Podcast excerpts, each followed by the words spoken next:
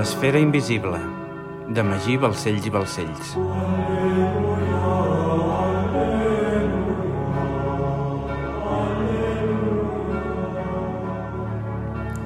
Capítol 28. El foc grec. Dimarts. 2 de maig de 1307. Comanda de Claravalls. Gran província de Ponent. Era un dia radiant i calorós en la bonica i accidentada illa atlàntica. Després d'un llarg viatge, per fi trepitjaven terra ferma. Arnau de Vilanova, completament eufòric per tenir l'oportunitat de poder veure l'Atlàntida amb els seus propis ulls, havia viatjat durant cinc dies a càrrec d'una immensa flota a través de l'Atlàntic – parant a les Illes Afortunades i arribant al final a la paradisíaca comanda de Claravalls. Encara no sabia ben bé per què necessitaven la pólvora, però després d'estar més de 4 anys fabricant-la, semblava que havia arribat el moment d'usar-la, i a tal fi l'havien carregat distribuïda en 200 vaixells capitanejats per mercenaris marítims contractats a l'efecte, sota la supervisió tècnica d'Arnau i sota la direcció de Sicarra Colonna, per transportar-la al seu destí final. Tot havia començat a principis del mes de gener a la Rochelle, Totalment per sorpresa, sa santedat Climent V i Sicarra Colonna es van presentar a les portes de la casa d'Arnau preguntant per ell. L'alquimista aragonès, en veure l'home de la mà de ferro, es va espantar, ja que només l'havia vist una vegada, a Ananyi, i per tant, quan el va veure davant de casa seva, va patir per la seva vida. Malgrat tot, al cap de pocs minuts, Climent V li va dir que no havia de patir per la seva seguretat, perquè l'Església estava en deute amb ell i extremadament satisfeta amb els seus treballs. El pontífex li va explicar després que havia arribat el moment de traslladar la pólvora al seu destí, i aquest no era altre que l'Atlàntida. Quan Arnau va sentir la menció del continent perdut per boca del vicari de Crist, va recordar les paraules de Ramon Llull anys enrere explicant-li l'existència del continent. Arnau no podia creure el que sentia i li costava articular paraula. Climent li va dir que totes les seves preguntes serien respostes quan arribés al continent perdut i que seria recompensat amb generositat per tots els seus serveis – sempre que sabés guardar el secret. I, I la meva feina en què consistirà? Va preguntar Arnau, encuriosit. Has de controlar els aspectes tècnics, li va respondre Climent. És a dir, has d'aconseguir que la pólvora arribi intacta i que les seves qualitats no es vegin afectades pel viatge. Hauràs de supervisar la càrrega de la pólvora als vaixells i controlar que no es faci malbé. Havien passat exactament cinc mesos des d'aquella conversa i malgrat la por inicial que sentia per Sicarra, amb el pas dels dies i després que haguessin compartit diversos àpats i converses, havia aconseguit tenir una relació cordial amb ell. Només uns dies després de la visita del papa, el trànsit de plata a la Rochelle es va interrompre de forma immediata. Seguien arribant vaixells, però buits per complet. Totes les naus mercants s'havien agrupat a la Rochelle, conjuntament amb 90 carraques noves enviades des de Portugal – les coques, carraques i naus s'ancoraven al gran estuari enfront de la ciutat i, ordenadament i de forma progressiva, es feien entrar al port de la Rochelle, on es feien els treballs necessaris en les bodegues per garantir que la pólvora no es fes malbé. A poc a poc, la pólvora es va anar dipositant en els vaixells mercants fins a omplir totes les bodegues.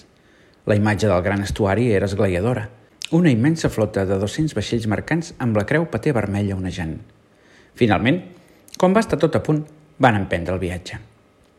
Arnau se sentia privilegiat de poder explorar el continent perdut i es passava el dia cobert amb la bresca mirant a l'horitzó i imaginant com seria aquella terra misteriosa. Per garantir un viatge tranquil havia amagat el Pomeritjo a les seves estances, per evitar que es trobés amb Sicarra. Després de l'episodi de Nanyi era el més sensat. Durant un mes van estar navegant, parant a les illes afortunades per omplir provisions i creuant després l'oceà fins que va aparèixer terra a l'horitzó.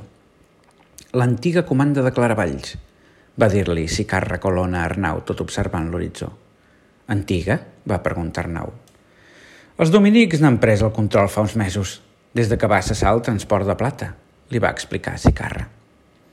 Acostada a la flota al port, Arnau va observar una gran quantitat d'estandards amb la creu flor-delisada en blanc i negre. Un cop van desembarcar, van ser rebuts amb total solemnitat per Aimeric de Plasència, mestre general de l'ordre de predicadors. A Arnau no li agradaven els dominics, per la seva estreta relació amb l'orde franciscà, Arnau sentia una animadversió més que justificada pels dominics. A part de no compartir la seva doctrina, Arnau considerava que el que els dominics estaven fent a Europa amb la Inquisició era un crim contra la humanitat. Deixar els tribunals inquisitorials sota les mans d'homes tan obtusos i fonamentalistes com els dominics era una autèntica temeritat. Benvinguts a Santo Domingo. va dir Aymeric, a Arnau i Sicarra, un cop aquests van posar el peu a terra ferma. Santo Domingo? va preguntar Arnau. El control de l'illa és nostre. Ni Bernat de Claravall ni cap templer mereixen que cap illa porti el seu nom, així que hem rebatejat l'illa amb el nom del fundador del nostre orde, va contestar Aymeric. I doncs, com és que porteu un anell templer? va dir Arnau, tot observant l'anular d'Aymeric. Perquè, mentre no hagi conclòs la nostra missió, els templers de la comanda Atlanta i la Rochelle han de seguir pensant que l'illa la senyoregen ells, els templers, va respondre Aymeric. Per això necessito l'anell del preceptor de Claravalls. He de segellar totes les missives amb el seu anell. I els templers que hi havia aquí, on són? va preguntar Arnau. El lloc on per justícia divina es mereixen, va respondre el cap dels dominics. El papa ens va encomanar a inquirir l'heretgia dels templers en aquesta illa, i això és el que estem fent. També em va dir que respongués a totes les vostres preguntes, però que si considerava que podríeu representar un perill, prengués les decisions oportunes. Uh, disculpeu, eh, no era la meva intenció ofendre-us, va dir Arnau, espantat. Jo he vingut aquí també per ordre del papa, per supervisar la qualitat de la pólvora. Sí, ho sé, va dir Aymeric. I tinc entès que heu fet bé la vostra feina, però mentre Sicarra sigui fora, estareu sota les meves ordres. Fora? va preguntar Arnau. Jo i totes les naus partirem a l'alba, li explicava Sicarra. Vos us quedareu aquí i haureu de fabricar foc grec. Haureu d'omplir una nau sencera de foc grec. Foc grec? va preguntar Arnau, sorprès. Sabeu què és, oi? li va preguntar Aymeric. Sí, per descomptat, va contestar Arnau. Però no sé si en aquesta illa trobarem els materials necessaris per fer foc grec ni sé si podrem fer tant com per omplir una nau sencera. Al magatzem tenim nafta, sofre, greixos, salnitre i calç viva en quantitats que no us podeu ni imaginar, va dir Aymeric. I posaré a la vostra disposició tants homes com necessiteu. Creieu que sereu capaç? Eh, suposo, va dir Arnau. D'aquí set dies la nau ha d'estar plena, va dir Sicarra. Set dies, va dir Arnau, exaltat. Arnau, com m'esper alquimista, coneixia el foc grec i la seva composició, però no n'havia fabricat mai. Sabia que el foc grec havia estat molt utilitzat pels bizantins en les seves lluites contra l'islam i que gràcies al foc grec, l'imperi bizantí i per extensió la cristiandat occidental havia persistit a les pressions dels maometans. L'última batalla on s'havia utilitzat aquesta substància havia estat en un setge a Tortosa de Síria, un setge que va permetre l'alliberament del gran mestre de l'ordre del temple, Jacques de Molay. Fra Ramon Llull li havia explicat temps enrere i des de llavors Arnau s'havia interessat per la composició exacta del foc grec. Havia comprat diversos llibres bizantins per la seva biblioteca de la Rochelle i els havia devorat sencers. Pel que Arnau havia llegit, el foc grec cremava en contacte amb l'aigua. Era una combinació perfecta. Els greixos aglutinaven tots els elements. La calç viva alliberava molta calor en entrar en contacte amb l'aigua, activant la combustió. La nafta feia que la substància flotés i no s'apagués. El salnitre desprenia l'oxigen suficient perquè la combustió tingués èxit i el sofre emetia perillosos gasos tòxics que li conferien un poder mortífer molt eficient. Arnau, després de la conversa amb Aymeric, va ser conduït fins als magatzems i allà li van presentar a Berenguel de l'Andòria, un home de confiança d'Aymeric que havia de vigilar que Arnau fes la feina ben feta. El magatzem era molt proper al port i ancorat just al costat hi havia una gran carraca que n'arroborava una gran bandera amb la creu flordelisada en blanc i negre. Aquest és el vaixell que hem d'omplir amb el foc grec, va dir Berenguel de l'Andòria. Arnau es va mirar el vaixell i, veient les seves dimensions, va començar a donar les ordres pertinents per poder tenir enllestit l'encàrrec dins el termini.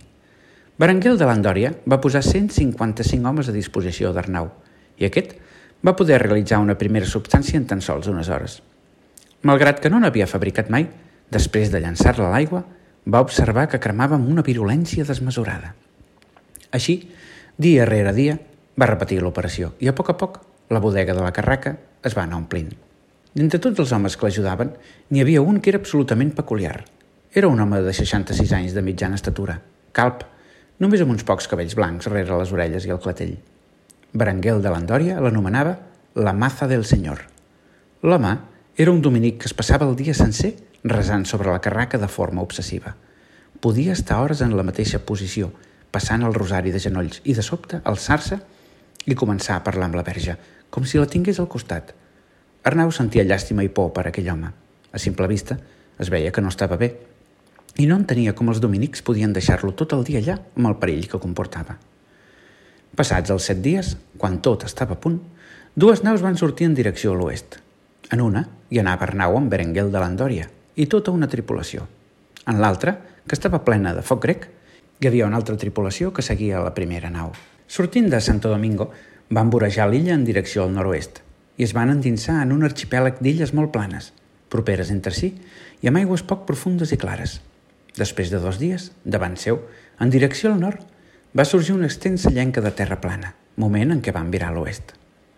Al cap d'unes hores, a l'horitzó de Ponent, sobre el mar, va aparèixer un punt lluminós que semblava com un sol més petit. Arnau ho mirava encuriosit. A mesura que s'acostaven, el punt lluminós s'alçava cada cop més sobre l'horitzó i just per sota s'observava una estructura vertical verdosa que cada cop era més alta. Era impressionant. Semblava que no hi arribaven mai. El vaixell es movia amb rapidesa per sobre l'aigua, però aquella estructura continuava estant molt lluny i, a més a més, era cada cop més alta. Devia ser immensa. Arnau no podia deixar de mirar-la. Passades dues hores, s'observava perfectament que el punt lluminós era un reflex del sol i l'estructura s'elevava davant seu fins a una altura inimaginable. Què, què, què és això? va preguntar Arnau. La porta de l'Atlàntida, va dir Berenguel de l'Andòria. La ciutat s'alçava darrere aquest obelisc, però l'illa es va enfonsar i tot el que en queda és això. L'obelisc sorgia imponent de les aigües amb unes dimensions gegantines, coronat per un piramidó lluminós a una altura impensable. Arnau ho mirava bocabadat. De sobte, va parar atenció en els jeroglífics que es trobaven a la part superior i va caure de genolls a terra. Centenars d'imatges passaven per la seva ment sense poder-ho controlar. Milers d'idees incomprensives li passaven pel cap de forma immediata. No ho podia creure. Extasiat, no podia deixar de mirar aquell obelisc. De sobte, però, va parar atenció en la base d'aquella immensa pedra cristal·lina. Va clocar els ulls i va veure les 200 naus mercants rodejant-la, amarrades en línia una darrere l'altra envoltant l'obelisc. Hi devia haver unes sis naus per cada costat de l'obelisc, i la línia de naus donava aproximadament unes vuit voltes. Estant ja una mica més a prop, va veure que les cobertes de les naus mercants estaven plenes de gent, absolutament abarrotades. Però estan plenes de gent, va exclamar Arnau. Tots els homes de la gran província de Ponent han estat enviats aquí, li va dir Berenguel de l'Andòria. De sobte, van plegar les veles de les dues naus i van quedar parats a l'oceà. Arnau mirava extasiat l'obelisc i va observar que s'acostava una nau amb una bandera que contenia un escut vermell amb una columna platejada enmig. Si Carra és aquí, va dir Berenguel de l'Andòria, senyalant la nau que s'acostava. Ja podeu procedir. Aviseu a la maza del senyor. Van desplegar una passarel·la entre la nau del foc grec i la nau on anava Arnau i tota la tripulació van abandonar la segona nau deixant-la completament sola. Llavors, l'home dominic a qui Berenguel de l'Andòria anomenava Maza del Senyor va sortir del castell de popa i va travessar la coberta. Es va dirigir a la passarel·la i va caminar fins a arribar a la nau del foc grec, tot posant-se davant del timó. Arnau va mirar espantat tota la gent que es trobava sobre les naus mercants de l'obelisc. Va mirar el jove dominic agafant el timó i ho va entendre tot. Els vaixells de, de l'obelisc encara porten la pólvora? No pretendreu... va dir Arnau. Berenguel de l'Andòria li va somriure. Va girar el cap – es va acostar al vaixell del costat i tot mirant a la maza del senyor, va dir «Compliu amb la justícia divina i Déu us recompensarà». L'home, malalt d'odi, es va posar de genolls. Va treure el rosari i tot posant-se-la sobre el cor, va dir «Crist es va entregar la mort pels nostres pecats, per deslliurar-nos d'aquest pervers món. En els nostres dies no hi ha pecat més gran que els templers. És un honor servir al Senyor per netejar el pecat del món. Per Crist, Senyor nostre».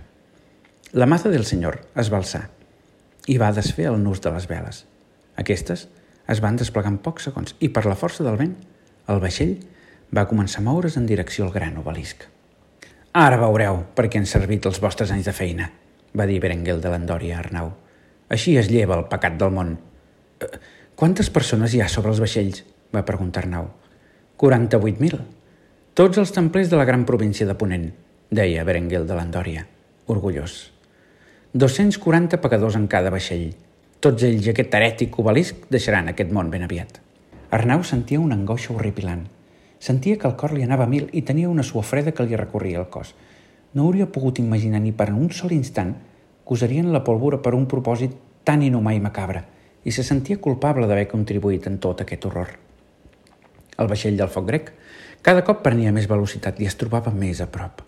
Alguns dels homes que estaven sobre els vaixells amarrats de l'obelisc van començar en veure que s'acostava un vaixell que ja no tenia temps de frenar i, absolutament desesperats, es xafaven els uns amb els altres intentant arribar als vaixells del costat.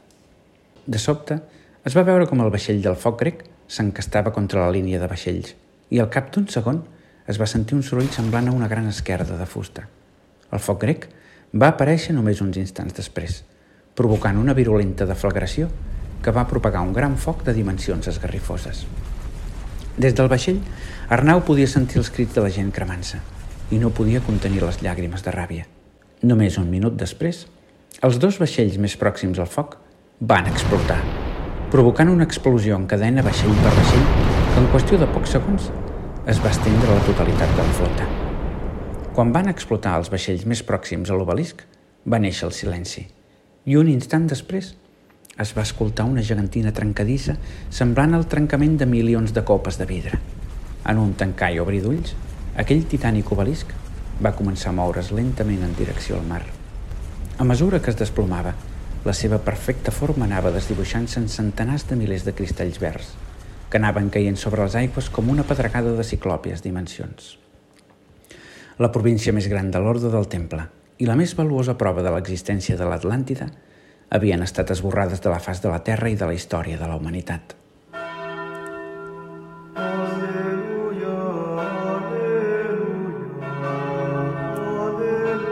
L'esfera invisible, de Magí Balcells i Balcells. Aleluia.